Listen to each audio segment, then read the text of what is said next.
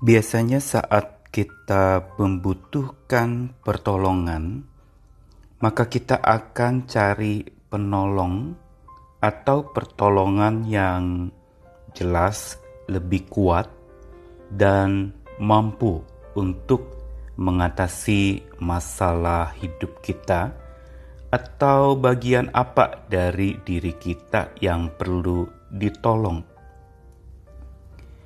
Namun tidak jarang kita bisa kecewa terhadap pertolongan yang tidak seperti kita harapkan.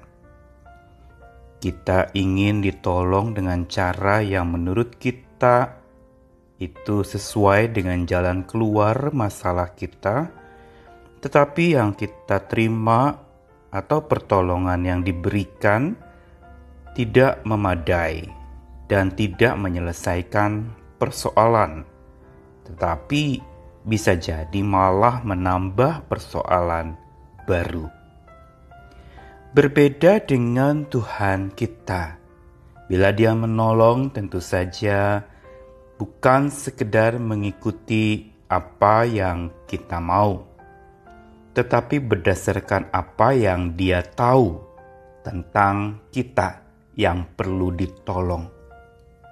Sehingga kadangkala apa yang kita pikir itu jalan keluar dari pergumulan kita, menurut Tuhan bisa jadi jawabannya berbeda dengan yang kita pikirkan. Saya Nikolas Kurniawan menemani dalam sabdanya menyapa kita lagi hari ini dari Mazmur 121 kelanjutan yang kemarin sekarang ayat yang kedua Pertolonganku ialah dari Tuhan yang menjadikan langit dan bumi.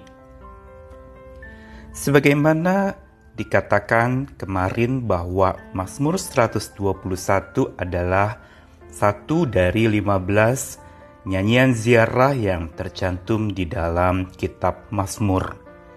Nyanyian pendakian hidup, nyanyian kenaikan hidup kita.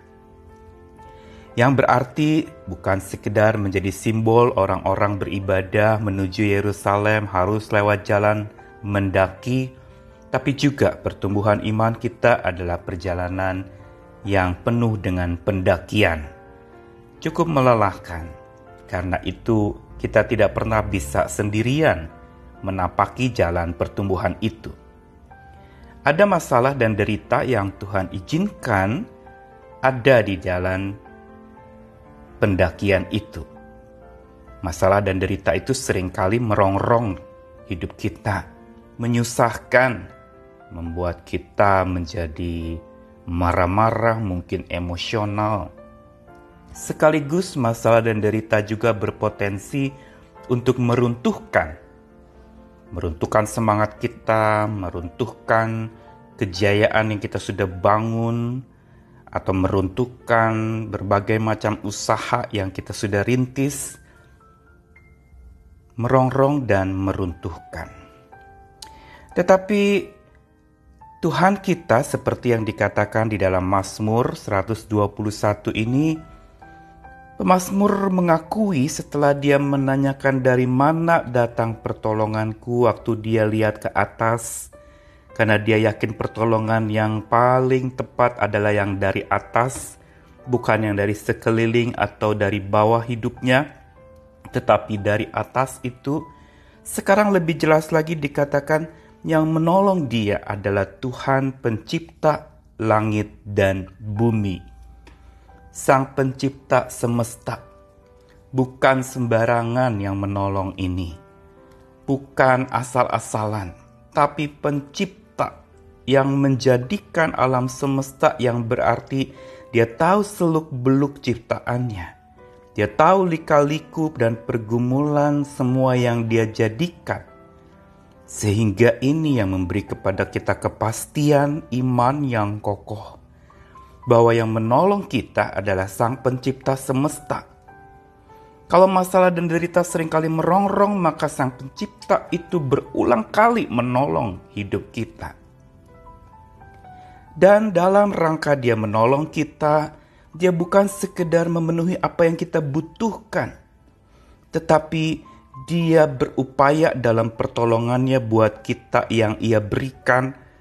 Dia mau mengutuhkan hidup kita, dan dalam rangka mengutuhkan, melampaui sekedar memberi apa yang dibutuhkan, ada proses panjang yang sering kali muncul salah sangka kita terhadap Tuhan.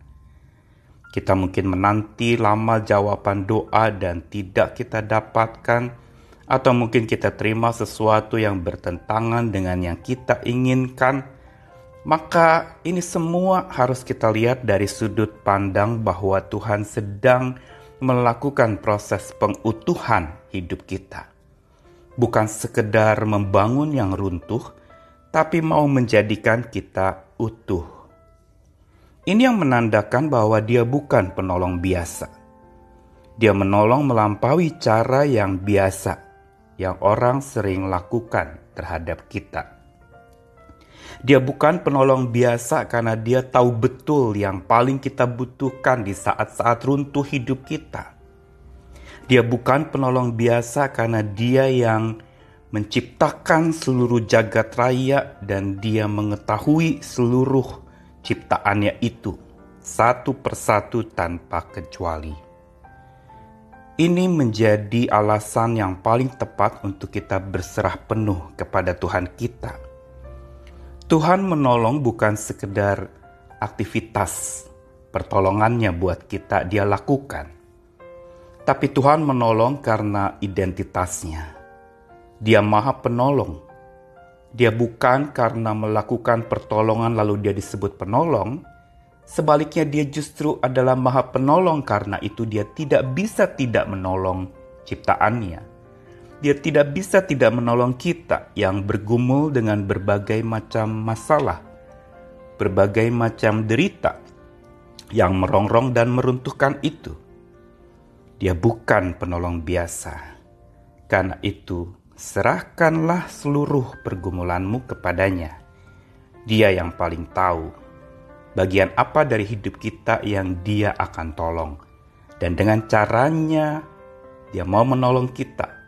Tinggal kita merelakan, ikut dalam cara Tuhan yang menolong kita.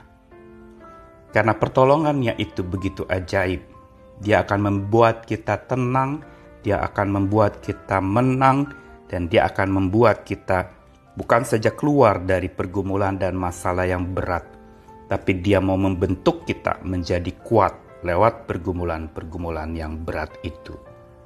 Karena itu sandarilah dirimu kembali lagi kepada Tuhan yang bukan penolong biasa itu. Percayakanlah hidupmu lagi kepadanya. Dia punya cara yang ajaib untuk menolongmu. Pasrahkanlah dan biarlah dia bertindak dan engkau tunduk senantiasa kepadanya. Tangan Tuhan selalu beserta, terulur kepadamu, memegang tanganmu, bahkan mengangkat hidupmu saat tidak berdaya. Tuhan mengasihi kita semua. Amin.